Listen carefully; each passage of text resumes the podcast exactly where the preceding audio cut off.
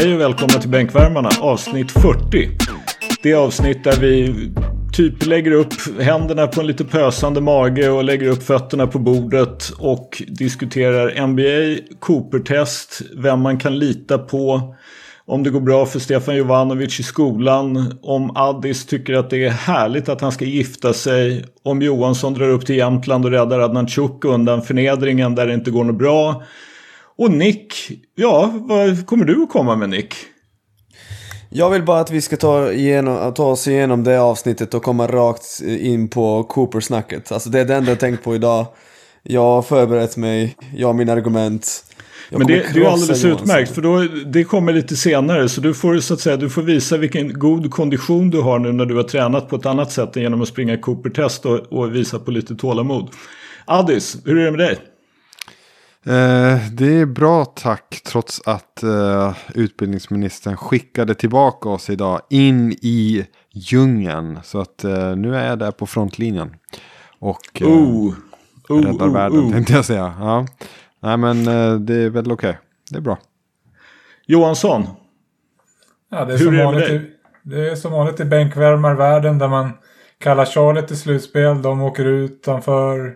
Man berömmer Spurs. De hamnar utanför. Man skäller ut Denver. De ligger femma. Ja, det är som, det, det är som vanligt. the curse of bänkvärmarna funkar, alive and Ja. kicking. Ja. Stefan, du saknades oss förra veckan. Vad, hur är det med dig och vad har du egentligen haft för dig? Har du gjort någon nytta? Jo, men jag mår, jag mår jättebra. Kul att vara tillbaka. Och jag har faktiskt gjort, eh, gjort eh, någon form av nytta i alla fall. Jag har, eh, jag har börjat studera. Så jag går retorikkonsultprogrammet med inriktning mot politisk kommunikation och hållbarhet på Södertörns högskola. Eh, och jag har ja, bara suttit och pluggat, lämnade in eh, mitt första PM förra veckan. Eh, blev såklart godkänt på det. Hade ju såklart fått VG ifall det hade funnits eh, och man liksom hade kunnat få det. Men eh, i det stora hela så, så, så mår jag bra. Bra. Jag pluggar. Känns kul att vara tillbaka eh, bland böckerna.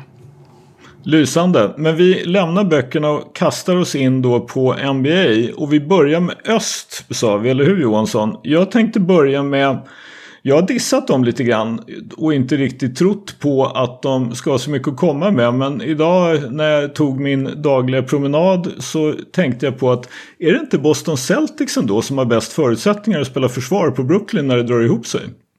Ja, jag kan vara beredd att hålla med. Men vet vi vad, vad är statusen på Tatum då? Vet vi det? Jag tror att han ska spela antingen ikväll eller nästa. Att han, liksom att han ska vara till, på väg tillbaka. Ja, det enda som är... Ja, jag vet inte om de är breda nog. Det är väl det enda. Om man ser första Nej. femma mot första femma, det är väl det. Ja, de- de är ju absolut inte breda nere på bänken. Men jag, jag tänkte bara som så att om man tänker sig då att Brooklyn har KD, Harden och Kyrie. Och Boston kan möta det med Tatum, Brown och Marcus Smart. Plus då att de har någonting som faktiskt åtminstone i teorin kan liknas vid Chicago Bulls gamla fina three-headed center. De har ju 18 foul att ge med Tristan Thompson och Daniel Tays och eh, Time Lord Robert Williams. Det är ändå en, en, en rätt vettig liksom, utgångspunkt om du ska spela försvar på dem. Då kanske du kan hålla dem på under 135. Men det, alltså det är någon som verkligen kommer titta på hur man spelar försvar på de här och bara så här. Hur kan vi, kan vi göra 140 på dem? Cleveland, eh, Nicks lilla favoritlag har ju tydligen visat att det, det går att göra en massa poäng på dem. Ja, det, är, väl- det, är väl sannolikt, det är väl högst sannolikt att det går att göra väldigt mycket poäng på dem om, om, eh, om formen är sån. Men det är just därför jag tänker ändå att eh, kan man få något stopp någon gång ibland så ökar ju kravet ganska hårt på Brooklyn att de måste skåra. Ja, var, liksom, de vet ju på något sätt att risken är att de måste skåra 130-140. Och kan du få ett litet, litet stopp och få ner dem till 120-125 då ser det ju plötsligt lovande ut. Mm. Vad tänker du om öst då, Johansson? Alltså jag måste nästan ge mest cred åt, eh, åt Addis Nix. alltså, det känns jättekonstigt att säga men alltså är, är Tibbs en, en liksom tidig frontrunner för coach of the year? Är han det? Ja, alltså så länge de är på eh, playoff-plats så skulle jag definitivt säga det. Det här laget är ju, på pappret eh, är de ju, alltså, ja, hiskeligt dåliga. Ja, nej, men alltså det är inte bra alls. Men han får ju dem att överprestera. Alltså RJ Barrett snittar typ 17 poäng. Eh, det, den eh, såg jag inte komma, kan jag säga. Men då måste jag fråga dig, är det verkligen en överprestation eller är det bara så att de faktiskt presterar på den nivån som de egentligen är på? Alltså i så fall har de gömt sin talang något extremt, de här spelarna. Alltså som RG Barrett. Och de, de var ju rent utav dåliga basketspelare förra året. Eh, nu är de ju på en playoff-plats och eh, presterar bra. Jag vet inte, alltså han är, det är väl kanske både och. Alltså han vrider ju ur dem som en disktrasa, eh, tips.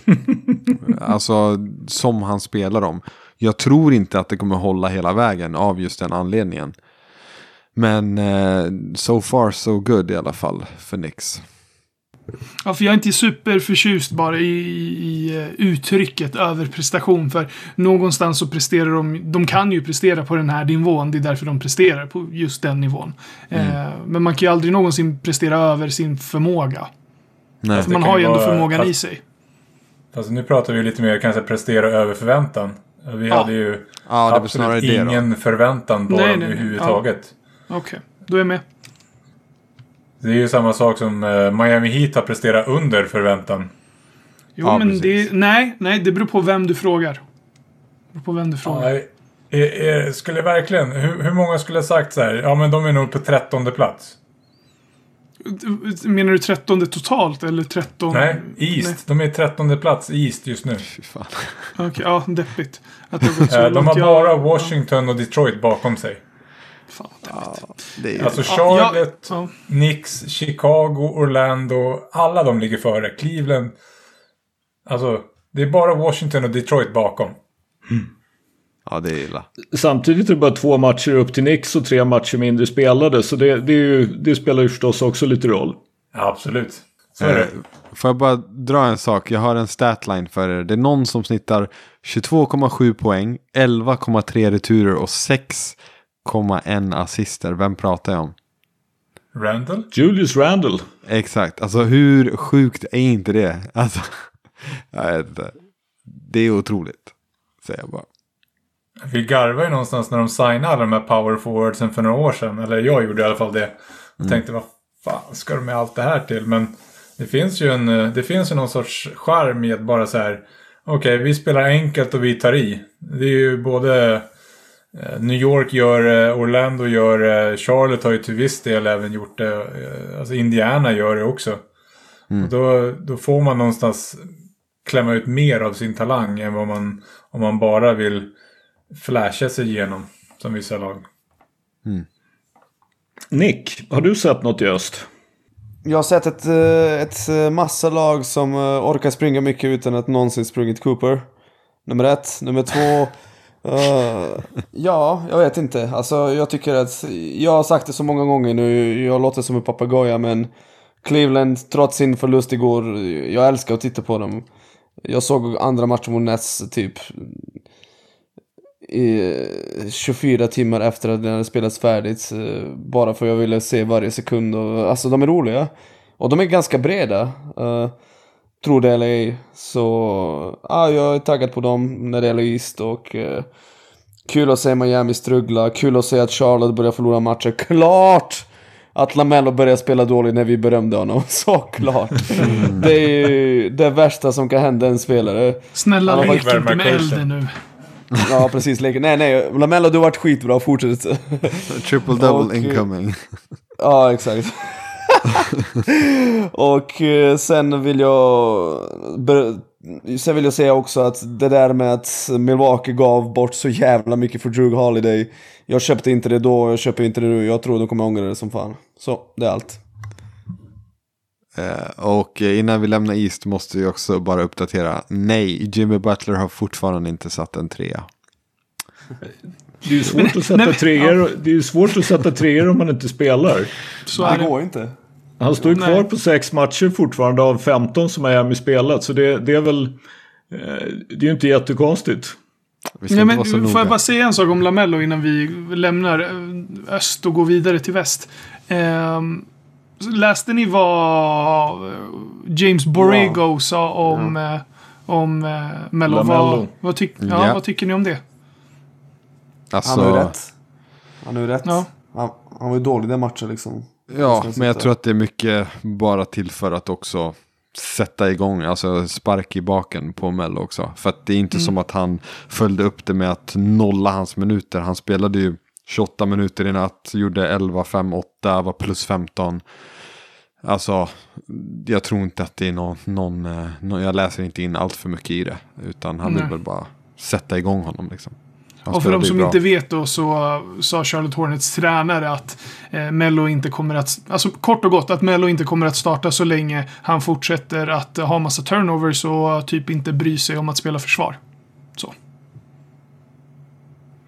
Det som, det som var lite intressant i det där var ju också det faktiskt att Lavar, om jag fattade det hela rätt i alla fall, Lavar Ball, Lamellos och Lonsos pappa, var ju, han menade ju att det var ju inte bara Lamello som var en superstar, utan som jag fattade så menade han ju faktiskt också Lonzo.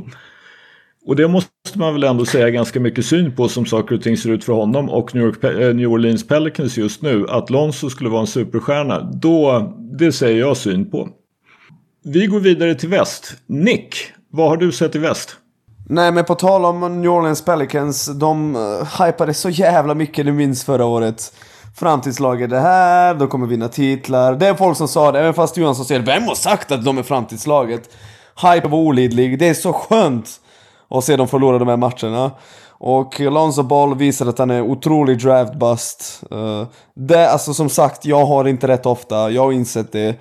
Jag accepterar det, jag lever med det. Jag, alltså jag, jag, alltså jag funderar på att tatuera, tatuera in det liksom. Jag skäms inte. Men det där hade, där hade jag rätt från början, han är en bast. Uh, och de har ju strugglat och så vidare. Och sen vill jag även påpeka att i West så har vi faktiskt hela 15 stycken lag som inte springer Cooper-test och ändå orkar spela 82 matcher och slutspel. Uh, Vet du att de inte springer i Cooper-test? jag, jag lovar dig, jag lovar dig. Du kan, eh, du kan googla det. Nej, just Eh, checking. Eh, jag bettar allt jag har på att de inte springer Cooper. Eh, och sen uh, Denver har börjat vinna de här tajta matcherna. Viktigt för jag vill se Nikola Jokic vinna MVP. Jag tycker att han är MVP egentligen. Faktiskt. Alltså, han är ju sanslöst. Han är ju den ultimata basketspelaren just nu, offensivt.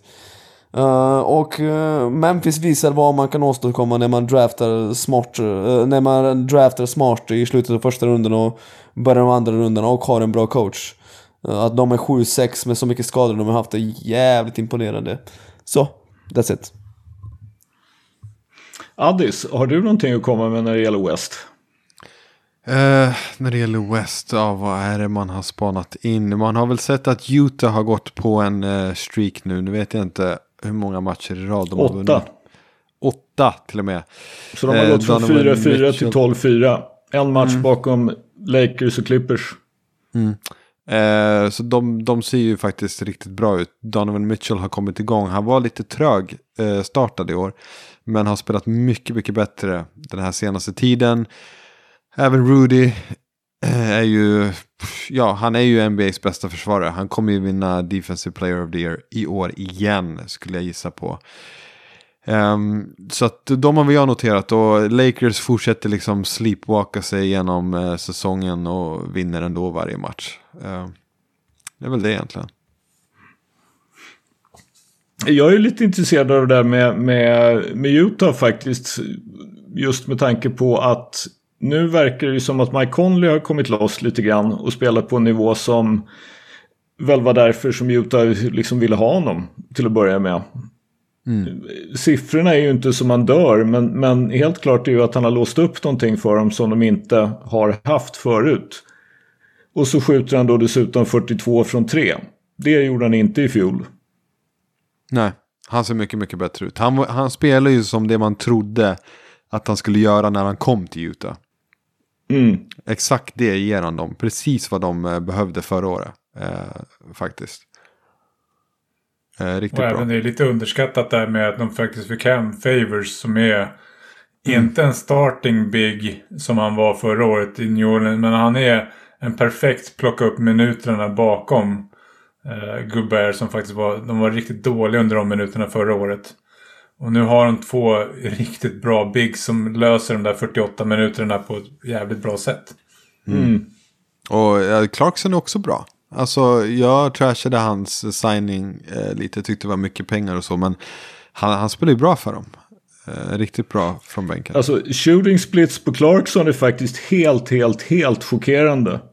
Mm. 57, 41, 96. Då skjuter han i och för sig nästan inga straffkast, men ändå. Ja, Shit. han är Han vass. skårar 17 poäng på 24 minuter, eller 25 minuter. Ja, jag känner mig lagom dum att jag tradade bort både Jordan Clarkson och eh, De'Aaron Fox för eh, Jay Holiday i fantasy nu när jag ser de här siffrorna. Hoppas det var Ja. Giroux i alla fall och inte Justin. Ja, jag har faktiskt båda två. Justin Ja. plockade upp i, i eh, eh, vad heter det, i, eh, bland free agents och, och uh, Giroux fick jag i traden. Jag vet, jag kommer ihåg jag såg en sån här trade i bänkligan som var så här. Det för Drew Holiday? Nah, vet du fan. Jaha, det är Justin Holiday.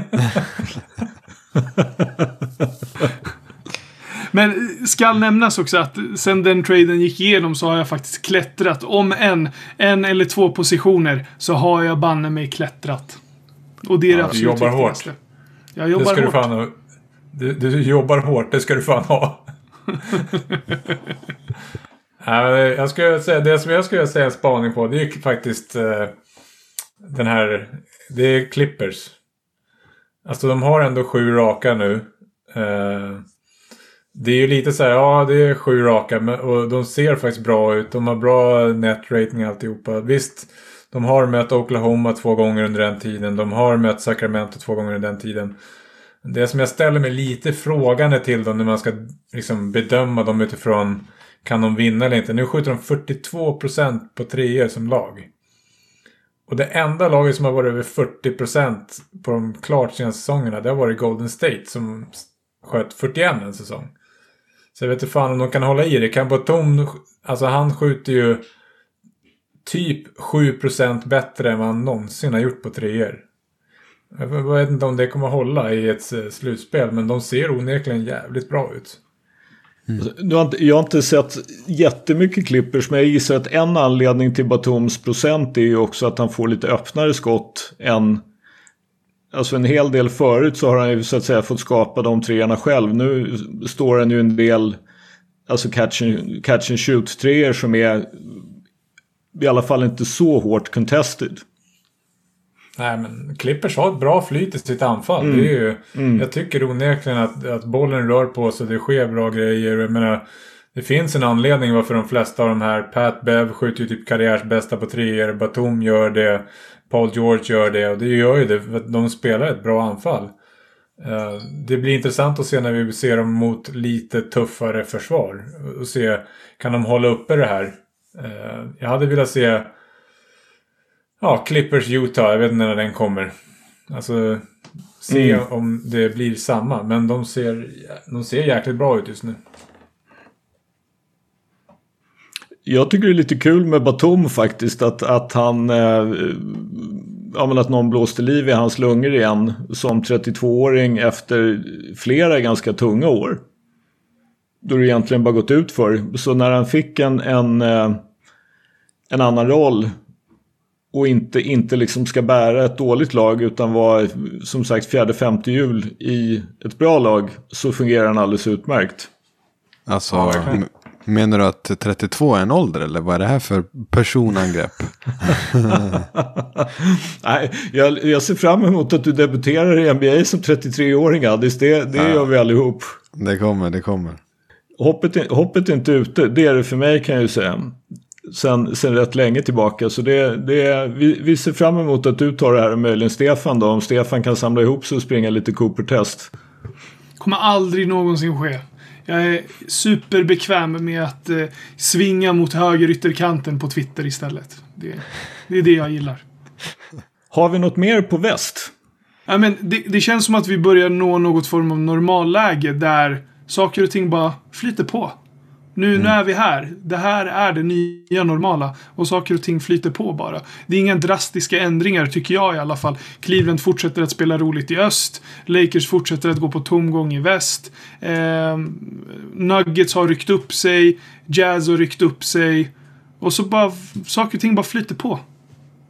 Mm. Har jag fel? Ja, nej, jag håller med. Håller med. Ja, det var lite det jag tänkte säga just om väst. Att det känns som att nu, saker och ting är liksom tillbaka på ungefär det normala. Att det enda som väl är möjligen lite onormalt är då att Dallas är nia. Delad nia med Golden State. Eh, hade Den man kanske förväntat sig lite mer av. Men ju de är väl Johansson ett av de mest året. skadedrabbade lagen. Tack Ja. Alice. Johansson var inne på det redan förra året. Precis, precis. Kan jag ha ett rätt i år? Chocken är ju att det är Spurs som är åtta. ja. Faktiskt. Ja. Nej. Och, och som, som Nick noterade, aningen överraskande att Grizzlies med tanke på eh, som sagt både Ja, ja borta ett antal matcher, Jaron Jackson har inte spelat alls, att de har lyckats knaga ihop 7-6. Också då mot på pappret dåligt motstånd, men som har konstaterat förut, de här vinsterna räknas de också när säsongen ska summeras. Så det, det spelar ingen som helst roll vem man vinner mot just nu. Man vet ju inte vad man får möta. Vår vän coach Johansson är en man som inte sällan brukar säga att jag litar inte på honom. Eller kanske rent av jag litar inte på coach Bud. Alternativt jag litar inte på Jannis. Så jag frågade Johansson på Twitter, liksom, vad, men hur många litar du på då? Och då kröp det fram två, möjligen två och en halv. Och då är förstås, liksom, vad betyder jag litar på? Jag litar inte på. Men vi enades om att det ska vara en spelare som, som nummer ett i sitt lag ska kunna släpa över mållinjen. Och då är det ju i dagsläget i princip LeBron och Kawhi. Och möjligen då om man, om man eh, om de skulle ha haft ett lag så måste man väl ändå säga att eh, Steph Curry har, varit, har lyckats med det också. Annars är det ju rätt ont om spelare som har en förmåga att släpa, sin, eller släpa sitt lag över. Men jag tycker ändå Ursäkta? att det finns... Var det, var det Kevin Durant där? Ah, Johansson har inte nämnt Kevin Durant men jag kanske gör det bland de som jag var på väg att säga. Ja, tack. Jag, Han ska jag, vara jag, där uppe. Han ska vara där uppe. Jo, men jag, jag, som sagt, av de som jag litar på så skulle jag ju säga definitivt Kevin Durant är en av dem jag litar på. Bra, tack. Och sen de som, de som eh, möjligen kan komma underifrån som jag tycker visar att de, om de hamnar i den situationen att laget är tillräckligt bra, vilket jag inte riktigt tror att det är i dagsläget, är ju ändå Luka Doncic, Nikola Jokic och faktiskt Jason Tatum så småningom. Sen är jag då som Johansson, jag litar inte riktigt på Giannis. Det, alltså det blir jobbigt att vara nummer ett i ett lag och vara den som liksom ska avgöra det hela. Om du inte skjuter bättre än 60 på straffkast och du inte har ett pålitligt trepoängsskott. Men Så eh, känns det som att det, den, den är lite knepig. Men det är väl de jag kommer fram till. Har vi några andra bud? Men alltså, jag tänker på Giannis. När ni säger litar på och etta, pratar ni bara scoring då? Eller menar ni etta som är liksom bästa spelaren i laget? Jag tänker mig egentligen etta som är bästa spelaren. Men det hänger ju också lite grann ihop med, men vem, vem, jag menar, vi är ju lite kanske för fixerade vid det här. Vem ger du bollen till när det är lika och 45 kvar och du behöver, du behöver två eller tre poäng? Alltså lite så. Och- Jag, jag, tänkte, jag tänkte, när jag tänkte, jag sa de här två och två och en halv så var det så här. Ja men, vem, liksom, vem kan jag ha som inte är jätteberoende av vilka de andra är? Alltså så här, vem kan passa in ganska bra och ändå liksom släpa ett lag över? Jag tycker att Janis kan vara bästa spelaren i sitt lag, men han kan inte vara bästa offensiva spelaren i sitt lag. Utan han är beroende av att det finns en, en Kyrie eller en, en, en offensiv spelare, tycker jag. Och jag hade, mina två var egentligen LeBron och KD. Min halva var äh, Kawhi. Men det var en väldigt halv. Det var nästan en fjärdedel bara. Fast Kawhi får man väl säga har faktiskt släpat ett lag över mållinjen. Ja, det har Ja, precis. Men jag tyckte det var ett bra lag. Det var liksom... Eh, Oh, jo, men, Han- men han Kawhi stats från den. finalserien är ju ganska otvetydiga. Ja, jag tycker att han... han eh, alltså, han har inte haft ett helt slutspel där jag tycker att han har varit helt makalös. Han var makalös i en serie den... Och sen så var han bra i finalerna. Men det- alltså, hans faktiskt sant. hälsoproblem... Hans han var hälsoproblem bra. är ändå ett halvt. Mm. Han var inte så bra i finalen som folk säger faktiskt. Han var, han var bra men eh, han var inget sådär episkt direkt. Nej, men han var ett monster mot Philadelphia för mig det var. Eh, alltså rent monster. Eh, men, men jag tycker att hans hälsa, jag, jag litar inte på... Alltså jag förstår att många säger att ja, det är ledarskap att han spelar back-to-backs nu. Men jag vill ju bara att han ska vara hel. Man såg ju att han var trött i slu, alltså, sista matcherna för, i senaste slutspelet. Men LeBron och KD, alltså jag känner någonstans att de är... Ja, jag behöver inte tänka på just exakt vad jag har för pusselbit runt dem.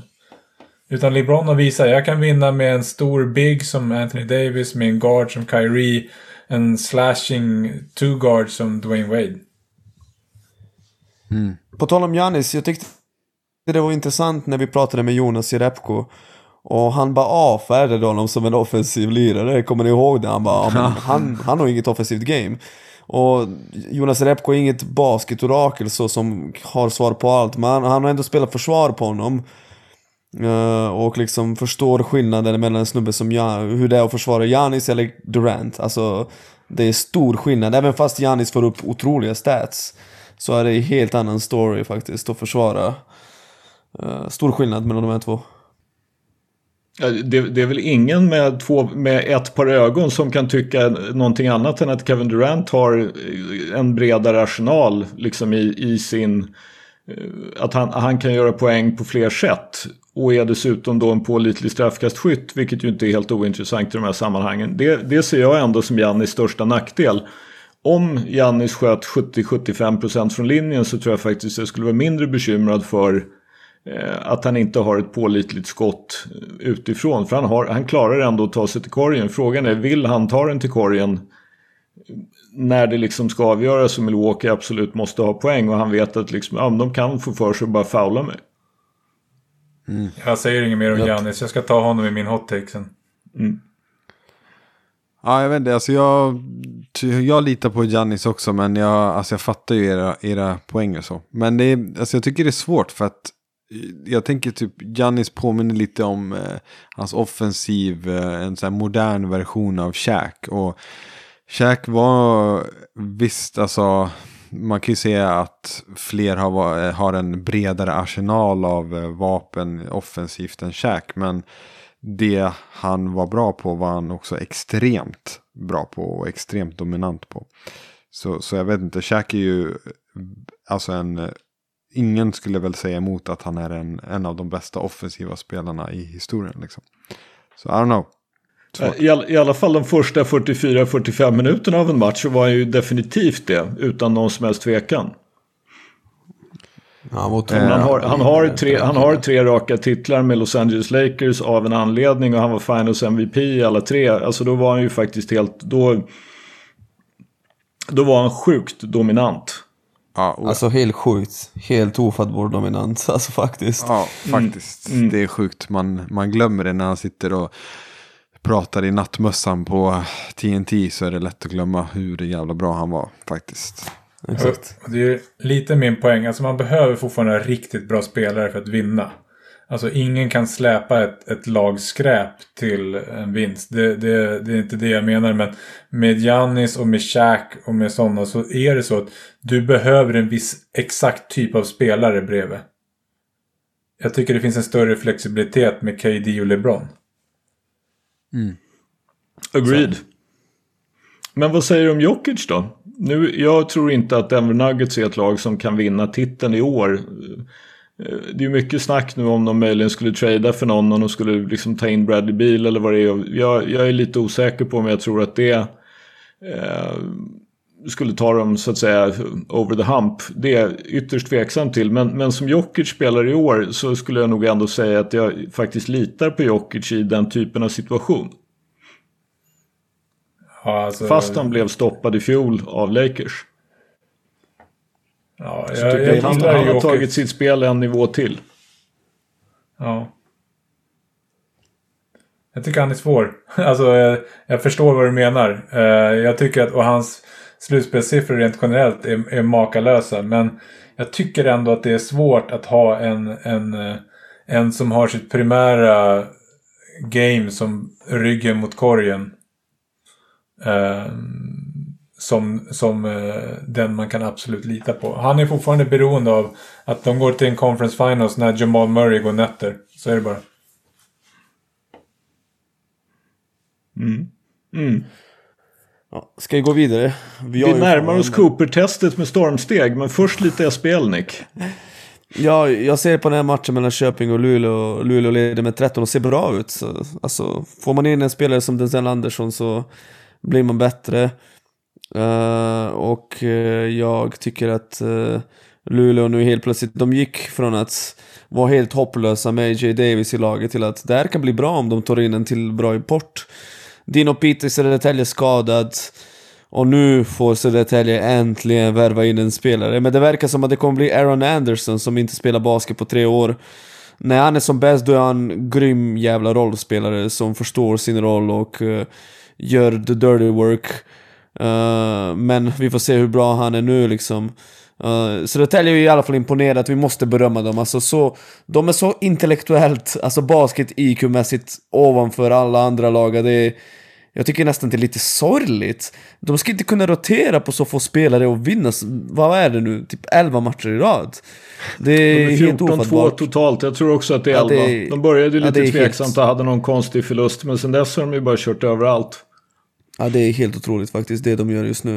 Eh, så de, eh, de imponerar och eh, jag vet inte fan annars. Det var en riktigt bra match nyligen mellan, eh, mellan Borås och Luleå. Tory Murray har spelat mycket bättre de senaste omgångarna, satt sina treor och det gör all skillnad i världen. Och I Borås hade Avery Woodson 39 poäng, satte helt sinnessjuka skott matchen igenom. Det var kul att se liksom. Men annars, jag vet inte fan, i basketligan dam så har vi sett A3 slå Norrköping ganska tight uh, med en poäng och uh, Machine Gun Maggie, uh, Luleås nyförvärv, hon uh, sin, redan i sin debutmatch satte en massa treor så kan vi bara spola fram till den här finalen mellan Luleå och Alvik. För alla vi vet att det är den finalen vi kommer ju se. Liksom. Alltså, jag orkar inte vänta. Det är precis som det här och Cooper-test. Liksom.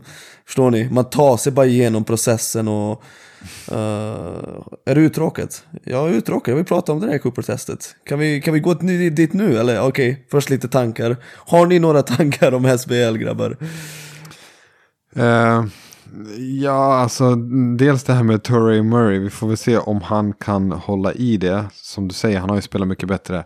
Och jag tycker att gör han det i en vecka, två veckor till, då får vi dra en som vi gjorde till eh, Cyril också. Och bara kanske dra en ursäkt då. För vi har varit jävligt hårda mot honom här i podden. Tycker jag. Eller vad säger ni? Ja, fast det var en väldigt big sample size. Alltså han var så kass. Och egentligen skillnaden nu är att han sätter sina treor. Det, that's it. Han gör inget annorlunda. Han är fortfarande en bollstopper. Peter Rökvisilov passar runt bollen. Han tar bollen, stoppar den, men nu sätter han liksom sina skott. Är han en snubbe som skjuter 27% på tre som han gjorde innan de här tre matcherna? Förmodligen inte, han skjuter nog bättre än det. Men är han så här bra på att skjuta som han gjort de senaste tre matcherna? Det tror jag verkligen inte. Så vi får se var det landar. Han har fortfarande ganska hängigt kroppsspråk och så, men om man kan göra 30 poäng mot topplagen, då är han såklart värdefull för dem. Och som sagt, med Denzel, alltså Denzel är en sån spelare som gör all skillnad i världen. Som Hasse Andersson skrev i sin blogg så är han en, vad var det han skrev? En helt duglig försvarare. Eh, Bara duglig alltså. Jag, jag tycker nog att den, den sälj i SPL är lite mer än duglig som försvarare, men det är kanske Ja. bara jag. Ja, det Lite kan man, mer. eh, det skulle jag faktiskt, eh, jag skulle beskriva honom som en av absolut bästa försvarare vi haft i ligan de senaste tio åren, men in Hasse we duglig. trust. Ja, In Hasse we duglig. trust, så... eh, nej, shoutout Hasse Andersson, Men tror, du- tror, i tror, du att det, tror du att det spelar någon roll för det här med Torrey Murrays eh, kroppsspråk?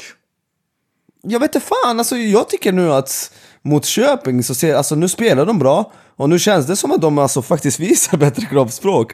Alltså det är mycket roligare när man har lite, får lite hopp, lite framtidshopp och nu tror de att de kan vinna. Nu tror de säkert att oh, det kommer en till spelare för det är det som ryktas och de kan gå för det. Och det är väl, det gör väl all skillnad i världen uh, när det gäller liksom lagmentalitet för som sagt, de har varit så dåliga i år fram till Denzel kom. Alltså det är, det är fan omöjligt att vara sådär dåligt och ha typ ligans överlägset största budget liksom. Jag menar, AJ Davis, han, han håller alltså, han var ju så jävla kass. Det finns fan inte.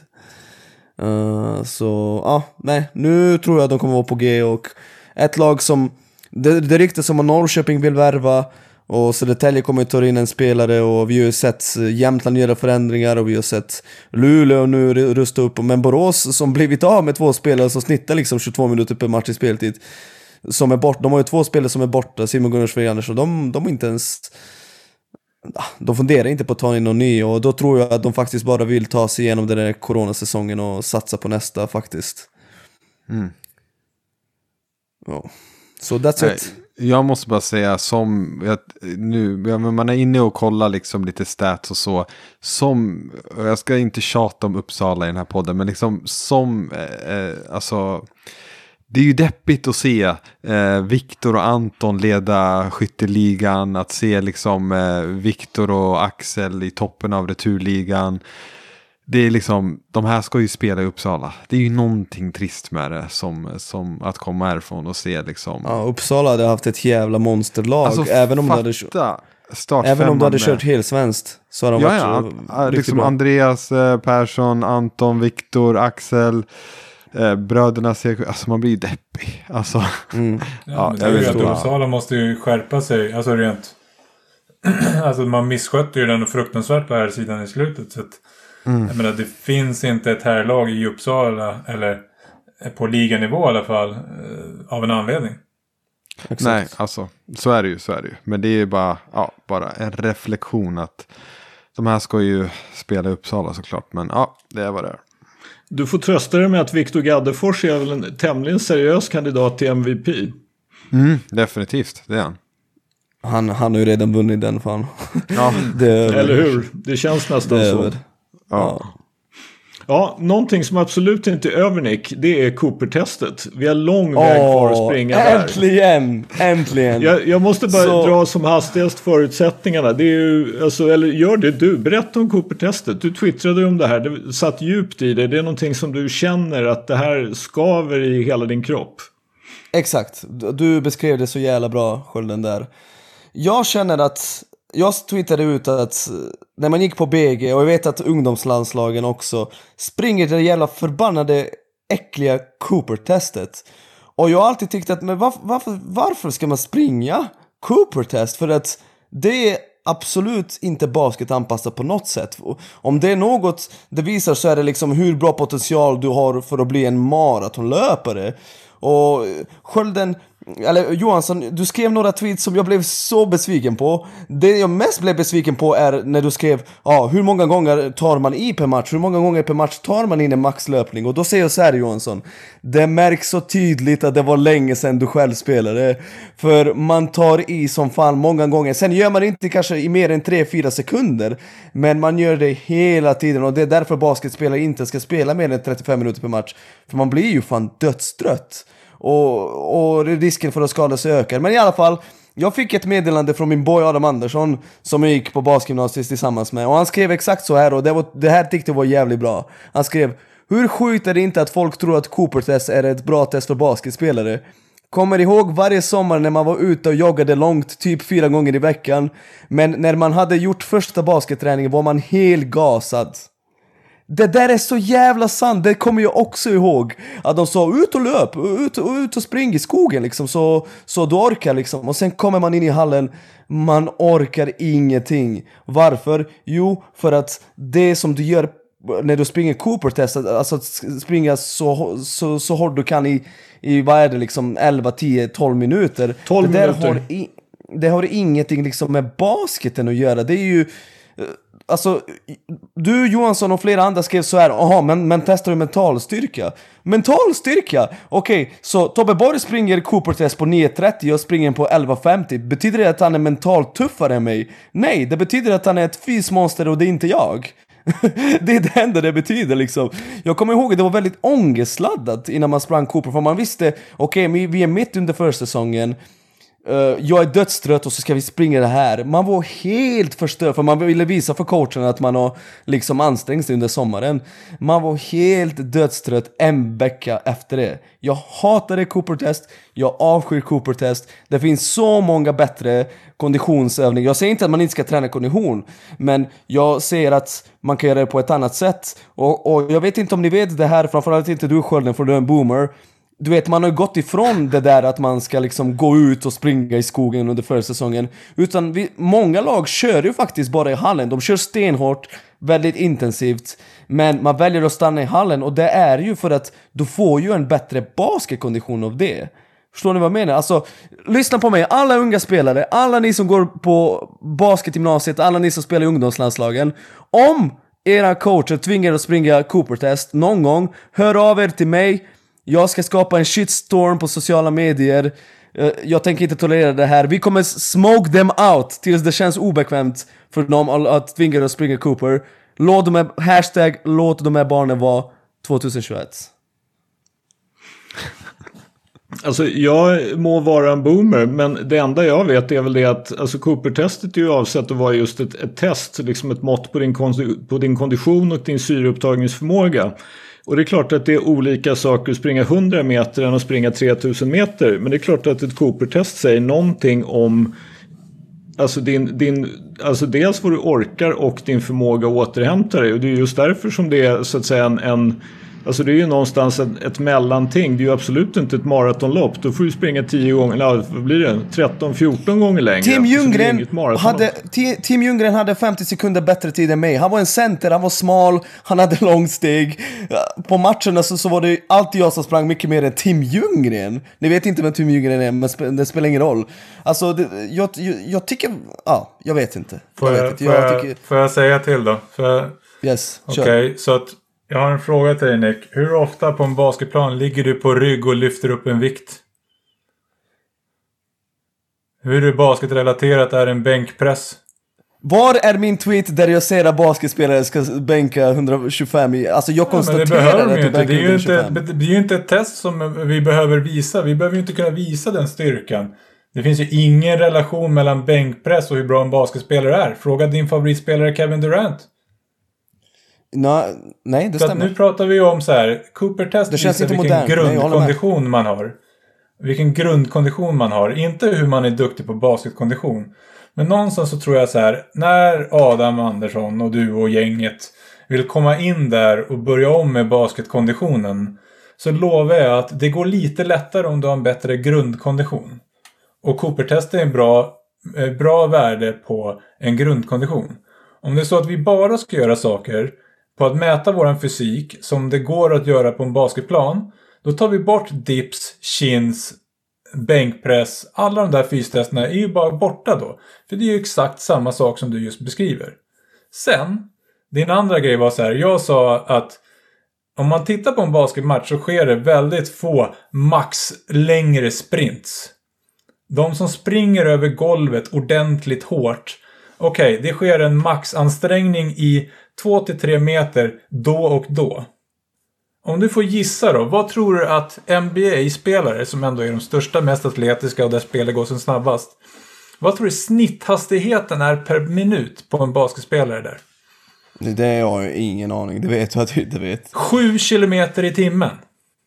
Ja, men Johansson, du måste Förstår förstå du? För att man står stilla, ja, okay. man joggar rätt mycket. Och det är väldigt Exakt. få gånger, om du ser det byta från anfall till försvar. En 100% sprint, det kan motsvara, det är en fotbollsrush på 50-60 meter. Väldigt få basketspelare springer i den hastigheten.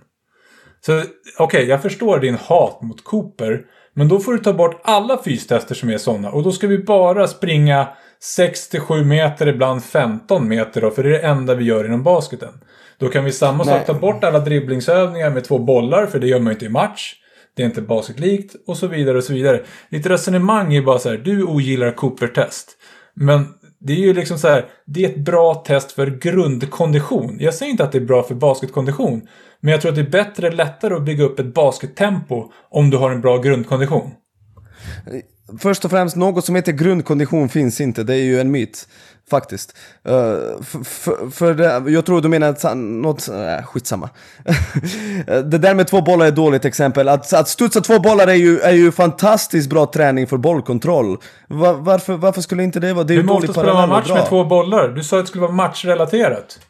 Ja, på, på, alltså på ett visst sätt. Förstår du vad jag menar? Ja, jag bara när det ju, gäller Cooper, när det gäller springa. Nej, inte bara när det gäller Cooper, utan Vi det finns ju massa det är därför. Basketspelare vill inte springa Cooper för att de är lata. Du pratar om mental Oh träning. Du God, kände nej. ångest. Just det.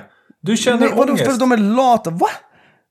Ja. Nej, jag, jag du, kan tänka mig springa med hur många andra tester som helst. Jag kan, jag kan än tänka mig springa en jag kan springa, tänka mig springa jojo-test, jag kan springa med test, alltså jag kan tänka mig springa alla andra jojo-test är ju inte tester. heller ett baskettest. Det är ingen som springer 20 meter fram och tillbaka. Klart man gör! Varför skulle man, Man inte göra springer det? dit en gång och så går man runt. Men du Johansson, så- hallå! Det, alltså, det, det, Hur ofta det där är springer ju du inte... fram och tillbaka, fram och Det tillbaka? är inte biljard basketspelare spelar, det är ju basket, du springer ju fram och tillbaka. Alltså du, du försöker få det att framstå som att man typ aldrig anstränger sig. Återigen, Jo, det är klart du man gör det, med, men man gör Du inte säger det det där med max... Du, det, du säger det där med maxhastighet, men du glömmer att bollen faktiskt ofta går ut. Förstår du? Man stannar ju. Det händer ju. Och sen Ja, från ingenstans så ska du ta. Jag tittar så ska på du ta matchen bollen. just nu. Jag tittar på matchen nu. Nu vänder de spelet. Oj, oj, oj. Det går så snabbt. Det går Det så sjukt snabbt. Ja, Du, du, du, alltså du, du, du, du har ju glömt totalt att, att det där är ju jobbigt. Att spela basket är jobbigt. Då behöver du ha en riktigt bra Ja. kondition. Du måste exakt. Och det kan slida. man visa genom Cooper. Nej, det kan man inte. Det är ju, alltså det, det visar Nej, ju Cooper är inte ingen bra alls. test för kondition. Nej, inte för en basketspelare. Verkligen inte. Men det är alltså- totalt onödigt. Nick, alltså kondition är ju ändå på alltså i någon mening så är ju kondition, alltså det är ju syreupptagningsförmåga. Alltså du kan ju inte säga att det är Jaha. något annat. Jo, det, Och det, då, då är det ju naturligtvis så att jag menar, om du har en god syreupptagningsförmåga så kommer du ha med största sannolikhet en god kondition. Och om du har högre, oberoende av vad du ska göra. Och det jag försöker förklara är att det finns många tester som är bättre att visa hur bra kondition du har än att ta åtta varv runt en fotbollsplan. Alltså jag tror att det handlar, jag, jag tror att man prat, att vi pratar lite grann förbi varandra här i, i vad, du vill, vad du vill visa så att säga. Om du, om du jämför med ett beep-test så är det just då eh, där springer du ju så att säga, det är ju inte bara ett, eh, det är ju inte bara ett konditionstest utan det är även faktiskt ett snabbhetstest. Alltså förr eller senare när så att säga intervallerna på pipen blir kortare och kortare så måste du ju springa fort. Exakt. Alltså det är, ja, För, för mig, exakt. för mig, för mig Ja, men finns det- det, inget och Det det påverkar, optimalt det har ju inte nödvändigtvis någonting med konditionen att göra. Det finns inget optimalt, men, men slopa bort eh, Cooper, det känns så jävla uråldrat. Och, och bänkpress. Jag ska köra in det på Twitter. Vi behöver inte ha bänk, för bänk har ingenting med betydelse med basket där. Ja, men alltså om, om du tittar på hur folk tränar nu för tiden, liksom, det där med tunga vikter med överkropp, det börjar ju också försvinna. Sen finns det ju såklart, framförallt i NBA, spelare som kör ganska tungt, men det där är absolut inte nödvändigt. Verkligen Men inte. jag, tycker inte att, jag tycker inte att Cooper är ett optimalt för basket, konditionstest. Jag tycker att det är ett bra konditionstest. Och jag tycker att basketspelare behöver kondition. Absolut, kan det vara så att eh, jojo-testet är 5% bättre än Cooper för att visa närmare baskettest, basketkondition? Fine. Men det är fortfarande så Okej, att jag bra. tycker att vi behöver bättre kondition för att kunna göra allt det som vi ska göra på basketplan. För ja, basket är ett jobbigt. Jag vet att det är jobbigt. Jag vet att det är jobbigt för allt de springer och allt mans försvar och man ska kämpa. Och då tycker jag man behöver en grund att stå på. Och då tycker jag att Cooper-test är ett okej test. Okej, och jag tycker att eh, det är absolut, alltså återigen, jag tar, jag tar det där exempel för jag kände samma sak, man kunde springa, sen kommer du in i hallen, du orkar ingenting. Och då känner jag att eh, det där testet kanske, alltså att du ska träna in Cooper och bara jogga liksom långa distanser, att det inte ger dig någonting på basketplanen. Det tycker jag i alla fall, och det är min åsikt. Vi kan få, jag, jag kanske kan, jag- jag- bli, jag, jag jag kanske vill kan göra en studie. 3000 meter är ingen lång distans. Jag går Jag, inte jag med vill på det vända faktiskt. på det. Jag tycker det är Det- det är intressant att den här... Jag tycker det är intressant att Ja. den här Ljunggren kunde springa längre än dig på en bana. Men just när du får en basketboll, då kan du springa lite snabbare. Är inte det lite mentalt? Det kanske har att göra med inre och yttre motivation än något annat. Absolut. Exakt. Exakt, man, det är ju en del i det. Alltså du blir ju, Ja. det är så jävla svårt att motivera sig liksom. Exakt, Och- det, är en mental, det är en mental grej också.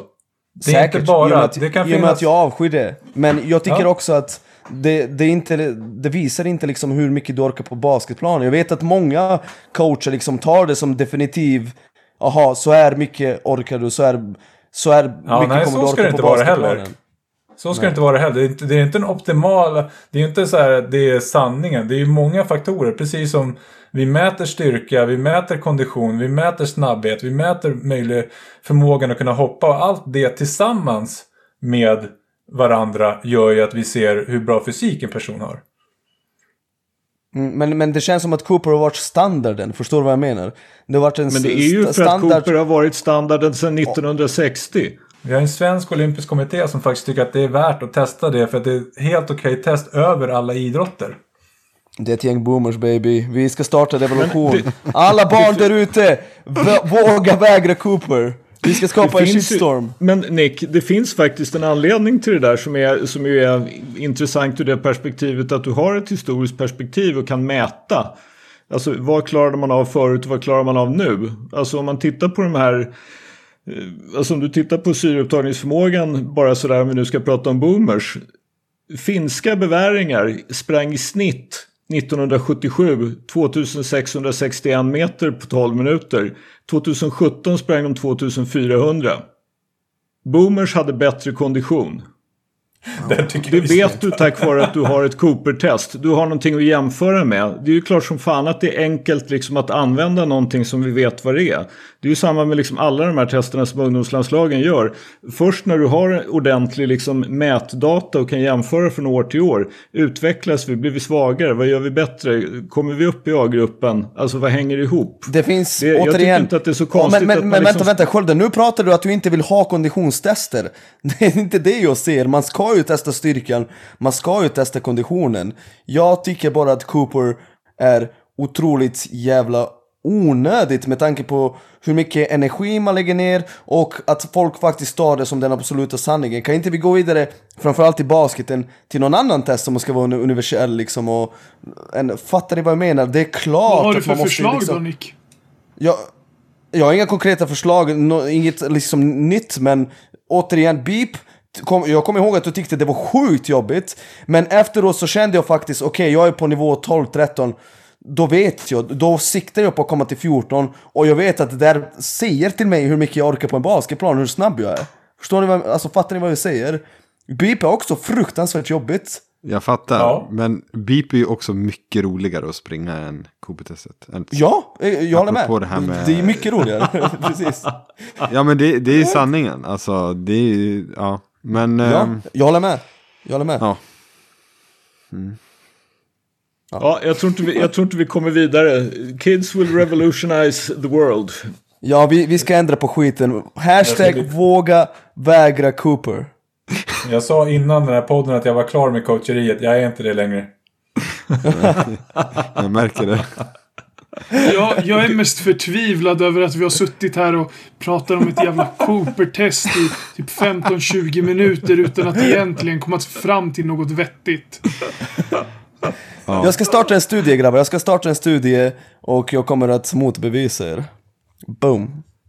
Ja, det. Det kommer att ta ganska lång tid innan du har gjort det. Men ja. Hur som haver. Idag introducerar vi ett nytt segment i bänkvärmarna.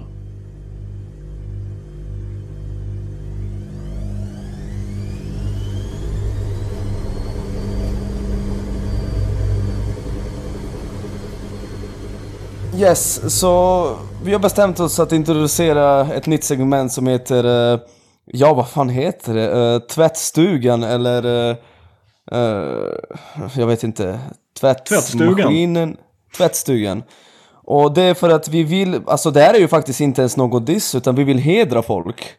Eh, och idag vill vi eh, hedra Blake Griffin som officiellt från och med den här säsongen är tvättad. Uh, och vad menas med tvättad? Jag vill, alltså, jag vill inte att folk ska tro att när vi säger tvättad att någon, alltså det är helt över, att man måste retire nästa säsong och liksom uh, starta eget business för att kunna försörja sig i framtiden. Utan det liksom Blake Griffin är en spelare som har gått ner sig så mycket att hans prime är definitivt över. Uh, han kanske, alltså det finns ju folk som har varit tvättade och ändå bidragit i bra lag till och med. Så exempelvis, vi har ju Donny Säslem i Miami som uh, uh, har varit tvättad i 6-7 år, men han har ju en roll i laget. Han sitter ju längst ut på bänken och lär, lär ut de här yngre spelarna hur de ska bete sig och så vidare, hur de ska träna. Och det har funnits, and funnits andra veteraner. Jag kan tycka att Sam Cassell och PJ Brown var ganska tvättade i Celtics 2000, när de vann 2008. Men de kom från bänken och bidrog och gjorde sin grej. Men Blake Griffin är definitivt tvättad. Alltså han, är ju, han har ju varit så dålig. Han, han har varit så dålig, han, är, han har varit så oatletisk att det enda han gör är att stå och skjuta tuffa trepoängare. Och det är inte riktigt hans game. Och han tjänar ju massa pengar och så vidare och det är en ganska tuff situation. Men jag vill att vi ska hedra Blake Griffin. Vi ska inte bara konstatera att han är tvättad, vi ska hedra honom. Och jag vill att alla vi delar ett minne snabbt av Blake Griffith som vi ja, gärna minns. Och jag kan börja. Eh, jag och min polare också från Skene, en annan polare från Skene, Jimmy Sky Skyvänenen. Vi följde faktiskt, uh, vi följde Blake Griffin när han gick på Oklahoma. Och han var faktiskt en av mina favoriter när han kom uh, från college. Och den här matchen mot Knicks när han gör 44 poäng och dunkar i nillet på alla. Uh, där han får sitt genombrott. Det är någonting man liksom inte glömmer. Han var så fruktansvärt atletisk. Och han var en duktig basketspelare. Ett tag var han säkert en av NBAs 10-15 bästa lirare. Så du var grym Blake, men tyvärr, du är tvättad och det är lite sorgligt att se ditt spel för tillfället. Kan eh, bara instämma med dig Nick. Det är, det är sorgligt att se varje dag som jag, eller inte varje dag, men minst två gånger i veckan är jag inne på Basketball Reference och kollar. Har Blake Griffin dunkat i år än? Det har han inte. Och det är helt sjukt. Det här var en kille som snittade över 200 dunkar per säsong. Uh, han, realistiskt kommer han ha kanske en, två dunkar i år. Det är, ja, det är sorgligt. Men ett minne då, ett positivt minne, det måste vara dunken över Perkins. Fy fan. Ja, det var sjukt. Alltså den är, den är äcklig. Sjukt, sjukt av honom faktiskt. Ja, mitt, eh, mitt minne är inte så mycket när han dunkar faktiskt. Utan man är bara att... Alltså det var en första runda serie mot Spurs när han var ta med fan ostoppbar. Alltså, det var någonting som liksom alla hans midrange satt. Han, han gjorde vad fan han ville med oss. Och då vann de ju till slut i sjunde, även fast jag tror att de var sjätte sidade eller om vi var, Det kommer jag inte ihåg. Men på den här, alla kommer ihåg Chris Paul one-legged shot over Duncan. Ja, men, just det. Alltså, mm, i den serien hamstring. var Blake Griffin helt jävla ostoppbar. Jag tänkte fan, Alltså, jag kommer ihåg att jag tänkte då, han måste fan vara en av NBAs fem, sex bästa spelare just nu. Helt mm. ostoppbar. Alltså, man kan ju bara konstatera det. Det är, det är ju inte en allomfattande sanning. Men han har faktiskt fem All-NBA. Ja. Ja han var ju... Så det, det, är ju inte liksom någon enstaka säsong som Blake Griffin har varit en dominant och väldigt, väldigt bra spelare. Sen kom varken han eller Clippers över, eh, ja men liksom, de kom ju inte riktigt dit. Men jag måste säga nästan, mitt kanske så här, ett av mina främsta minnen av Blake Griffin är faktiskt när han och laget, han och DeAndre Jordan får reda på att Chris Paul ska dit. Och de bara tittar på varandra och är som barn i en godisbutik och säger Lob City! Mm. Mm, och det blev det ju. Det kommer jag också ihåg. Mm. Det blev Lob City. Alltså det var ju, jag menar jag vet att jag och en kompis diskuterade rätt länge om ni minns den här när han dunkar över eh, Moskov. Och han är, han är väl nästan en halv meter ifrån korgen. Han rör ju liksom inte ringen. Men han, liksom, han kastar i den.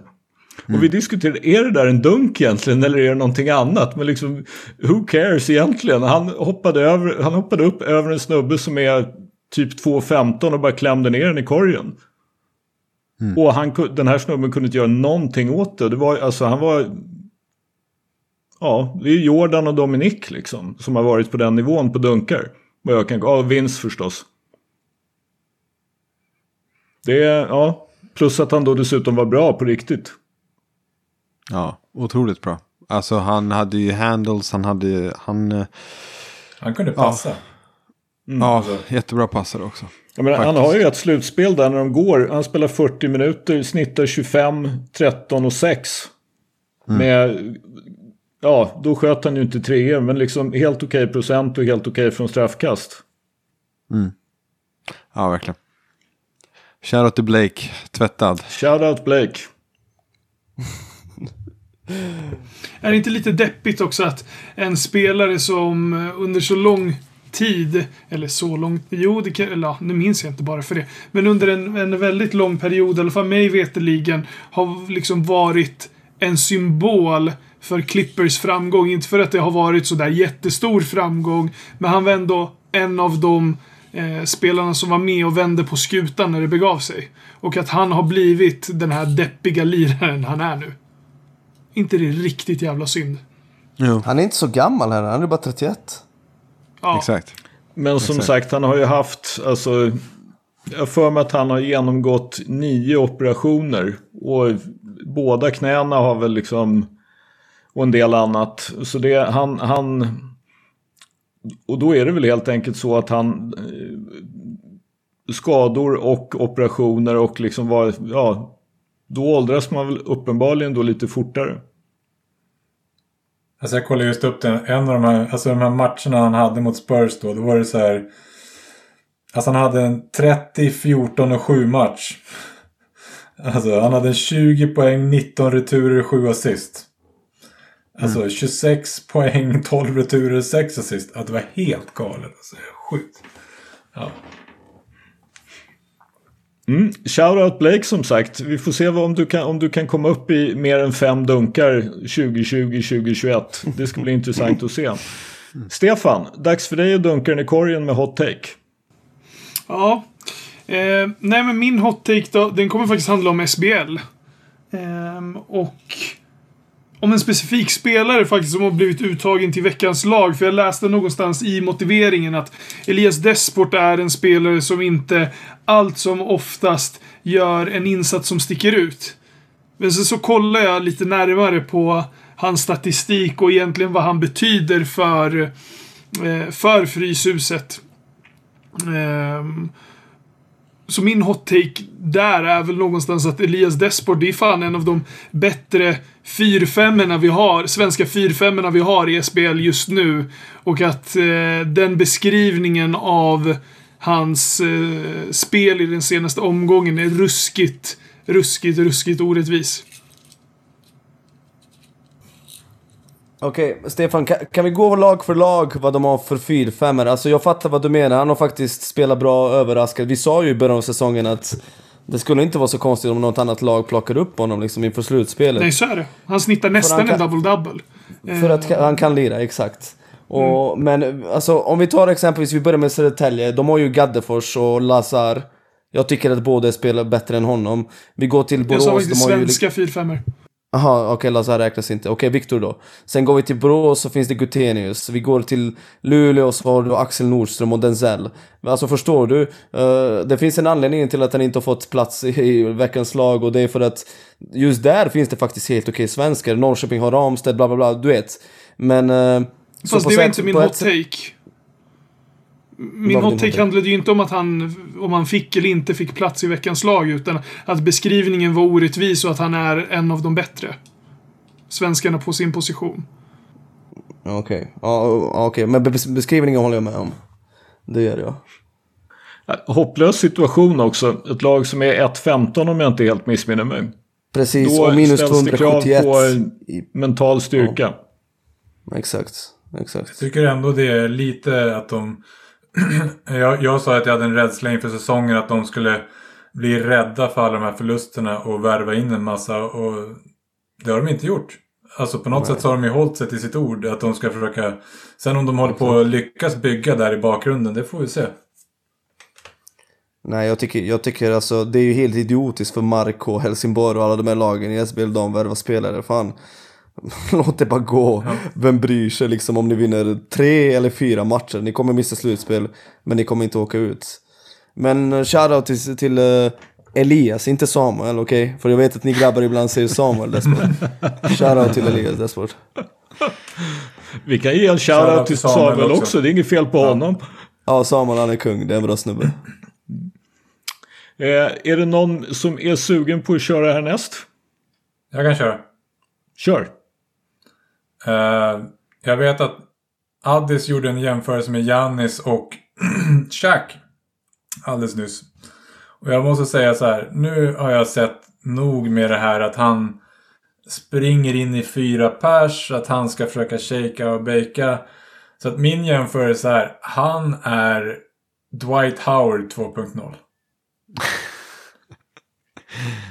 Det, jag, jag lider samma sak som, alltså Dwight Howard var en, alltså jag vet att de flesta nu tänker så här, ja men Dwight Howard är eh, tvättad och så vidare. Men när Dwight Howard var peak så var han ju en av de två, tre, kanske fyra bästa spelarna i NBA. Det är bara att det var så plågsamt varje gång för att de skulle ge honom bollen i posten. Och vi vet ju alla att den där jävla högerhooken kunde ju lika gärna sitta på baslinjen som i korgen. Och just nu känner jag att ta mig fan samma när det gäller Janis offensiva spel. Alltså när han försökte shaka baka på straffkastlinjen och så skjuter han en airball. Och han står kvar där som att den var på väg att sitta så bara tänker så här. Nej, låt, låt det vara. Låt, låt de andra skjuta. så det, det är min Alltså. hot take. Jag tycker han är mer Dwight Howard än vad han är Shaq. Men du är jävligt hård mot eh, Oh, den, den är för hård. Den är för hård. Ouch. Alltså, Alltså, får, jag, får, jag, får jag bara säga en sak Johansson? Har du tittat på hur många assist Giannis har och liksom just det här med att handle the ball om du jämför med Dwight? Jo, absolut. Och, och jag, jag, alltså, vi ska ju, alltså jag kollar lite stats och så här och jag tycker att lite så här, ja. Alltså, Dwight Howard, nej heter det, Giannis där när han får en, en post-up. Så, så, så är det så här, han gör ju 0,78 poäng per possession. Alltså det är ju horribelt. Och jag förstår att han har assist. Så mycket som han har bollen så måste han ju råka tappa dem. Men tittar man på de som är riktigt bra passare, Janis, Doncic, LeBron och de här. De har ju förmågan att sätta den i shooting pocket på folk. Och helt ärligt så är det så här, Janis är inte en bra passare på det sättet. Han drar på sig uppmärksamhet som gör att andra blir öppna och han kan möjligtvis leverera bollen dit så att det blir assist. Men alltså nu ställer sig folk bara så här. De ställer sig bara och väntar på honom att ta en charge varje gång han sätter fart. Och Fast tycker att, ändå, så, ändå så gör han, har han nu då, alltså för fjärde säsongen, i- säsongen i rad så snittar han 27 eller bättre med typ över 60% från två. Ja, men alltså- jag säger inte att han är skräp. Alltså det är så här, man måste kunna säga, alltså det är, alltså.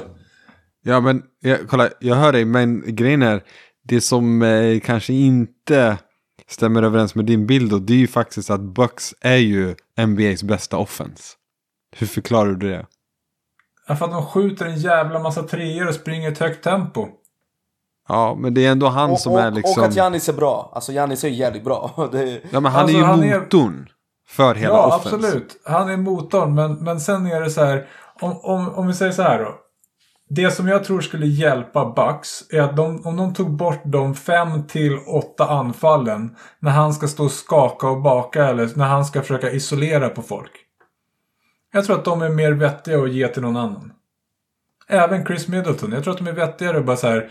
Vi höjer din usage när det gäller dem. Sen när Giannis tar bollen returmässigt och bara driver.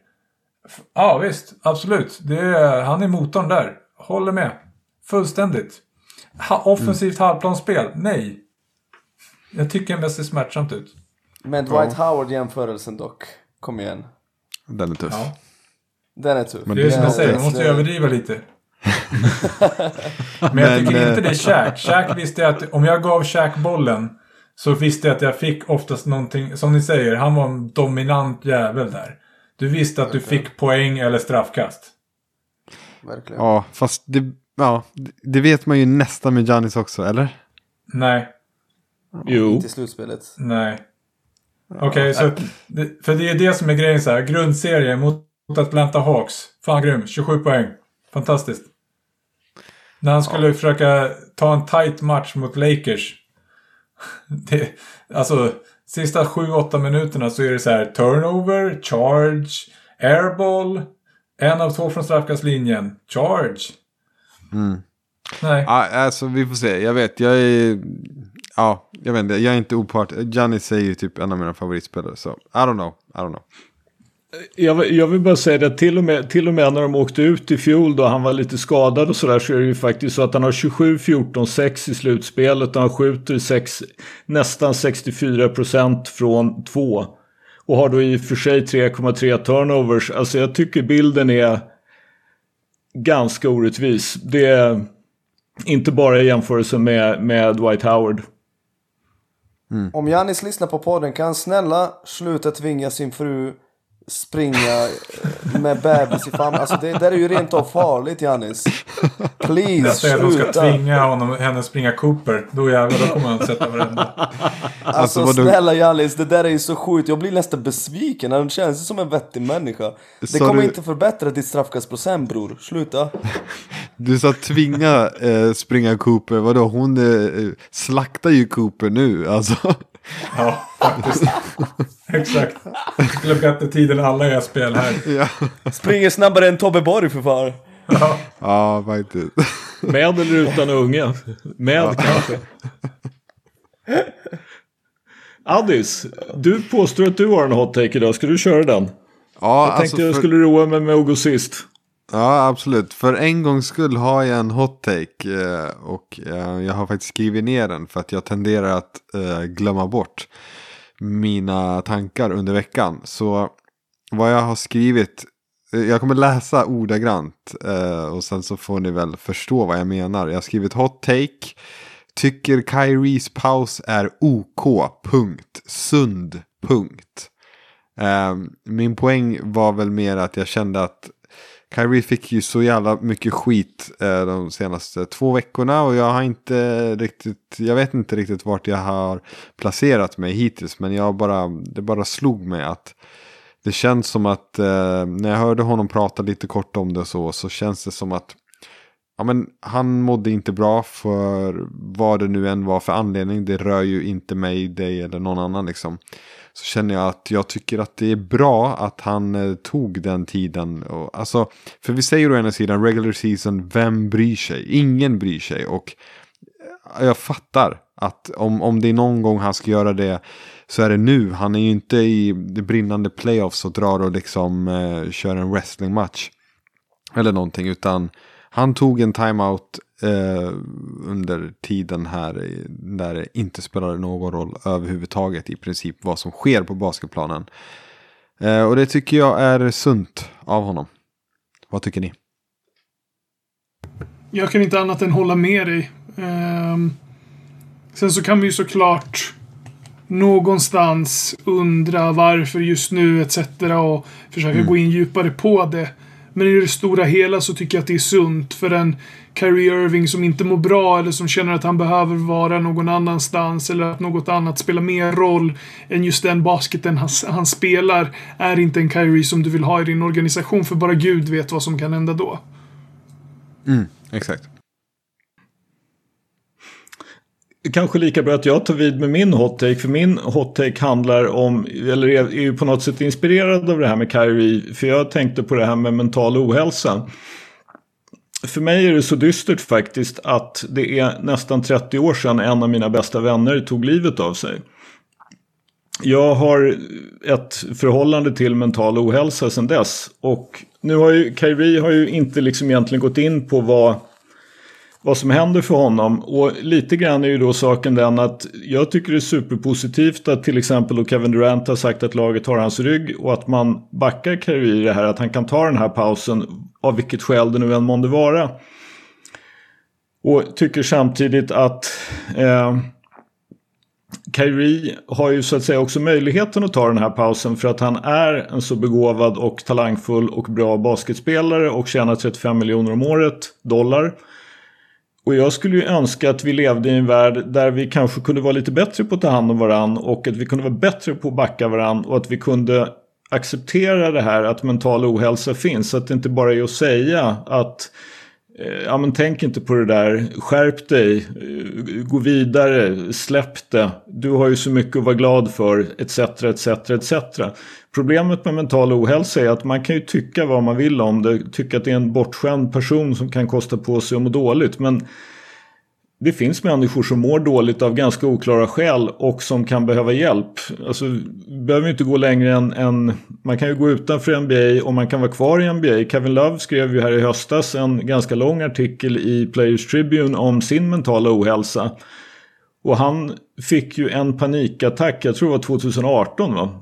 Under en match och liksom brottas med depression samma sak för honom. Förhoppningsvis har han folk runt omkring sig som tar hand om honom och inte bara för att han är en begåvad basketspelare som tjänar 30 miljoner om året. Jag önskar att vi kunde prata om det här och eh, ta, lite grann, ta lite grann bättre hand om varandra och ge utrymme för folk att eh, Eh, kunna återhämta sig i sin takt från sina men, mental ohälsoproblem. På samma sätt som att man kan vara hemma en vecka om man har 40 graders feber utan att någon tycker att det är något konstigt. Mm. Jag kan gärna haka på. Jag, jag var nog kritisk till Kyrie. Utan att när jag egentligen inte visste. Alltså det jag visste om Kyrie var så här. Han tycker inte att basket är 100% nummer ett prio. Och när han då tar en paus så vet man ju inte riktigt. Så här, ingen säger något. Jag var kritisk. Absolut. Är det så att han behövde en paus på sin... Alltså att han behövde en personal reason, mental återhämtning. Så tycker inte jag heller att det är något problem. Jag är sambo med en kvinna som faktiskt varit utbränd. och Jag har sett, inte mental hälsa på den nivån att man kanske tar livet av sig. Men framförallt i alla fall vad, vad de här jävla hjärnspökena gör. Och jag, jag tycker inte att jag har någon rätt att säga så här, ja men Carrie ska säga att han var borta för att han kände sig mer mental. Jag tycker inte Men jag på något sätt önskar jag att man kan prata om det mer. För jag tycker att det behöver vara mer aktuellt. Och som du säger så här, jag är trött på de som säger det är bara att bita i eller det är bara att... Ja, jag har sett den här utbrändheten på väldigt nära håll. Jag, jag, det är en kamp fortfarande, även fast det är över två år sedan som, som det hände. Och jag tycker att vi måste kunna prata mer om mental ohälsa. Så att jag har nog vänt i frågan Kyrie, ska jag säga. Men jag, och jag känner inte att jag har rätten till att säga så här, ja, men han tjänar 35 miljoner och därför ska han säga att han har det och det. Eh, jag önskar Nej, jag, jag att, hatar när folk håller på så. Jag hatar, jag, ja. Jag har hört folk säga, ja men Paul George klagade att han mådde dåligt i bubblan, kom igen du tjänar ju massa pengar. Det är inte så psykisk ohälsa fungerar kompis. Nej. Jag växte upp i ett land liksom där Precis, alltså där, I Serbien är det väldigt tabu att, vara, att brottas med psykisk ohälsa. Och där är det så mycket, till och med, till och med alltså, folk som är utbildade kan säga ah, ryck upp dig. Bara, du måste typ hitta en flickvän. Eller du måste typ hitta ett jobb som du trivs med. Man bara, alltså, nej. Alltså man, vi måste visa mer förståelse. Och ja, jag håller med er. Jag håller med er grabbar. Får jag ställa en utmanande fråga då? Mm, är, är, inte vi en del av problemet? Jo, det är Utveckla. vi. Jag vet, jag vet hur du tänker. Kör. kör alltså, vi, vi sitter ju här varje vecka. Vi, vi skärskådar spelare. Vi säger att de är tvättade. Vi säger fan skärp er. Precis eh, klankar ner på Jannis. Eh, nu förstår jag att det inte är, de, det är inte vi de hör. För att, men det blir ju någonstans här Twitter-trollen, Twitter eh, människorna, de som sätter pressen. Alltså SBL-spelare som lyssnar på oss och så hör de hur vi kanske kritiserar dem i att liksom, de kanske mår dåligt och får prestationsångest av det. Är inte vi en del av problemet? 100 procent. Jag lyssnade på intervju med Adam Silver där han sa att spelare mår ju sämre än någonsin. Delvis för att vad de än gör så får de kritik. Och jag kan ta ett exempel med Russell Westbrook. Alltså jag toksågat honom ända sedan jag sett honom spela med KD. Men han är ju såklart helt fantastiskt jävla bra på att spela basket. Han är ju otrolig, men jag kan tänka mig att när han går in på sin Twitter så ser han jävla massa hat från snubbar som jag. Och det, det, är inte så, det är inte rättvist. Så Johansson, jag håller fan med dig. Du hade fel med Cooper, men här är du fucking 100% on point. On point. Olika nivåer av ångest. Jag, jag, tycker ändå att vi försöker hålla oss på en nivå och inte liksom diskutera person eller och visst det händer att vi har använt uttryck som kanske inte är helt positiva men jag vill ändå inbilla mig att vi har någon lite djupare förståelse och tanke bakom det hela. Men naturligtvis är det ett problem med just den här att sätta liksom folk under lupp och mikroskop och bedöma deras, alltså just där och bara deras prestation. Det är ju, det är ju inte, och det, det är ju säkert en sån sak som leder till mental ohälsa för vissa just det här att de behöver prestera eller de är sin prestation och det kan ju vara alltså jobbet eller hemma eller liksom vara föräldraledig med sina barn, köra dem till träning, alltså vad det nu än är. Att, att eh, man är man, liksom man duger inte som man är utan man måste på något sätt prestera någonting för att vara värd att ha några vänner eller ha en familj eller alltså och det, så det, det, är klart, vi är absolut ur det perspektivet en del av problemet men det, jag tycker ändå att vi försöker ha någon form av respekt för de människor som är involverade. Och jag tycker att vi ska fortsätta med det. Stefan, Stefan du ville säga något? Ja, jag tycker att man måste, alltså här, när, när det kommer till just idrott och, och uh, sporter som ändå på ett eller annat sätt bedöms på grund av ens insats så måste man vara ny, nyanserad i diskussionen. Det är klart att man inte ska vara ett jävla rövhål och säga massa dumheter. Eh, herregud, det är vi är alla bara människor. Men man måste också vara nyanserad i diskussionen att förstå att människor kommer att ha åsikter om det du gör oavsett vad det är. Exakt. Är du liksom i allmänhetens öga, är du bevakad på ett eller annat sätt så kommer människor ha åsikter om det du gör och dina insatser. Och jag tror att det snarare istället för att människor runt omkring en ska bli mycket snällare och mindre kritiska så tror jag att man måste jobba för, alltså snarare måste investera i sig själv och jobba förebyggande på ett eller annat sätt. Och där har nog idrottsrörelsen ganska långt att gå. Eh, tror jag.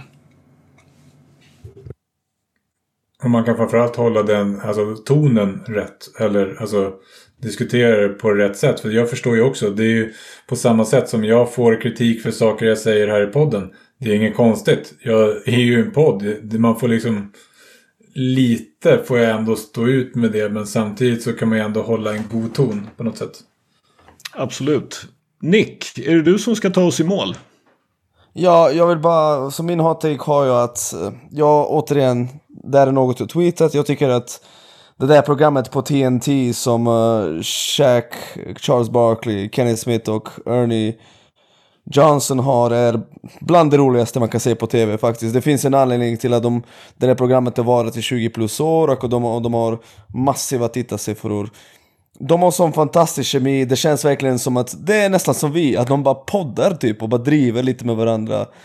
Och det är ju kul. Alltså problemet är att Shaq har spårat fullständigt de senaste månaderna. Han sågar ju alla. Och det måste ju ta slut för att när han, exempelvis han, men även Charles, när han kritiserar då är han så fruktansvärt icke påläst. Och han kommer från en, från, från en ståndpunkt där han liksom, okej, okay, allt på 90-talet var fantastiskt, alla ni suger och är svaga. Det, alltså han måste sluta med det. Han måste sluta med det. Det känns nästan som att de behöver göra precis som eh, Twitter gjorde med Trump. Att när Shaq eller Charles Barkley pratar, för Kenny tycker jag faktiskt lite mer eh, vettig. Men att det står underåt, ta det här med en nypa salt. det där eh, stämmer säkert inte. Alltså, att kalla ut Donovan Mitchell och säga rakt i hans ansikte efter att han har spelat bra, hans lag vunnit sjunde raka, han skjuter 40% på tre, bara uh, du har inte det som behövs. Mannen, han är 23. Vad snackar du om?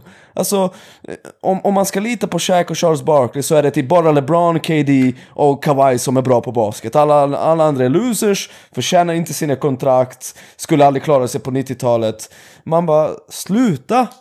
Sluta! Och eh, återigen, Charles Barkley och Shaq gör att det finns så många nötter som tittar på det här programmet och tror att basketen faktiskt var bättre på 90-talet. Jag tänker så här, alltså Dennis Rodman var två, två meter och vägde eh, 102 kilo. Han hade varit pointguard i dagens NBA. Alltså de måste ju förstå det här med evolutionen att folk är bättre, starkare, mer fysiska coacher, mer sofistikerade. Snälla Shaq och Charles, sluta hålla på. Läs på, alltså ni vet ju att Charles Barkley ser ju inte på basket. Jag kan inte fatta när de kör det där uh, Who He Play For, att han inte har koll på var folk spelar. Det är ju helt sjukt! Och du vet, de tar ju ändå med, ja nu har de tagit Garen Temple flera år i rad. Alltså, Temple är en okej lirare. Om du får miljoner för att bevaka basket, då måste du kunna veta vad han spelar. Jag menar... Jag blir Temple irriterad. har varit chockerande bra för Chicago Bulls i år kan jag säga. Han har Det varit är- riktigt bra. Han är, han är Ja. ju en okej ba- NBA-spelare, men Charles Barkleys ögon är han nolla säkert. Bara har Garrett Temple, vem fan är det där liksom? Man bara, uh, what? Läs på grabbar, och sluta vara så jävla ignoranta. Please. Men det är som när Shaq inte visste riktigt, alltså Christian Wood. Alltså Christian Wood har ju ganska många pratat om ett tag nu. På något sätt. You're just a casual. Ja, precis. Det var skönt. Alltså. Och sen den här senaste mot Donovan Mitchell. Det är ju helt, alltså. Ja men herregud att han låtsas som att han inte vet att Nikola Jokic är från Serbien. Det där är ju, alltså det är, det är trollning rakt av. Ett, han har spelat mot eh, Peja Stojakovic och Vlad Divac i typ 300 år. Eh, han har säkert haft någon juggejävel som, som eh, lagkamrat genom åren. Och eh, jag tror att, alltså jag, jag, jag är rätt övertygad om att Shaq vet skillnaden på Serbien och, låt oss säga då, Ryssland. Det, det, du måste ju vara totalt bränd i skallen om du inte, om du inte vet. Det, Alltså, ja, jag, jag tror faktiskt att han bara är ignorant och bara kommer, kommer oförberedd, faktiskt. Jag tror inte att han drar det där, utan han, han bara kommer dit och liksom säger det första han tänker på liksom. Ja, Den, svår, svår avvägning där. Alltså jag hade ingen aning om att Temple spelade i Bulls by the way. Men okej. Jag visste det. Alltså, Så jag visste inte. Solomon Hill, de Att, frågade att, honom. att jag visste det, det är ju helt självklart.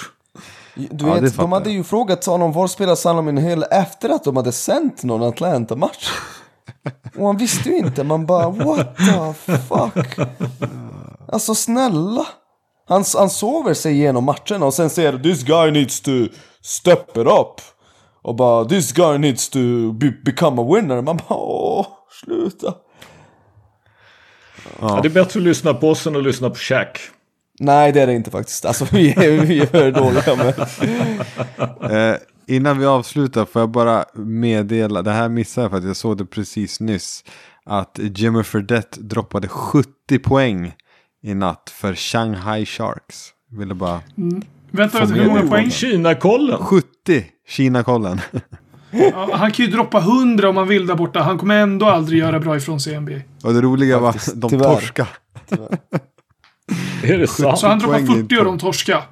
70 och de torska. 7 nolla. 70. 7 nolla. 7-0. Och de torska. Ja. Nej, Fy fan. Ja. Nej, nej, nej. Inga kommentarer. Nej, det... Vi, vi går ut på det. Vi går Ja, vi ut på kan, det. Vi, vi kan väl skicka en, eh, en tanke i alla fall. För imorgon när den här podden antagligen släpps så är det ju ettårsdagen för Kobe Bryant. Just Shoutout. det. Så vi, kan, vi, kan, vi kan ta det nästa avsnitt kanske, lite djupare. ja. Absolut. Absolut, det gör vi. Shoutout Kobe. Du har precis lyssnat på det 40 avsnittet av Bänkvärmarna.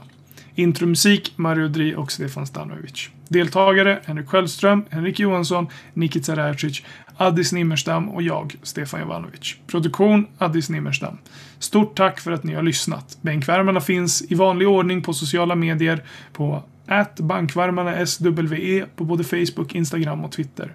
Glöm inte att prenumerera på vår podd på diverse streamingtjänster. Ta hand om er därute och glöm inte att bänken aldrig ljuger.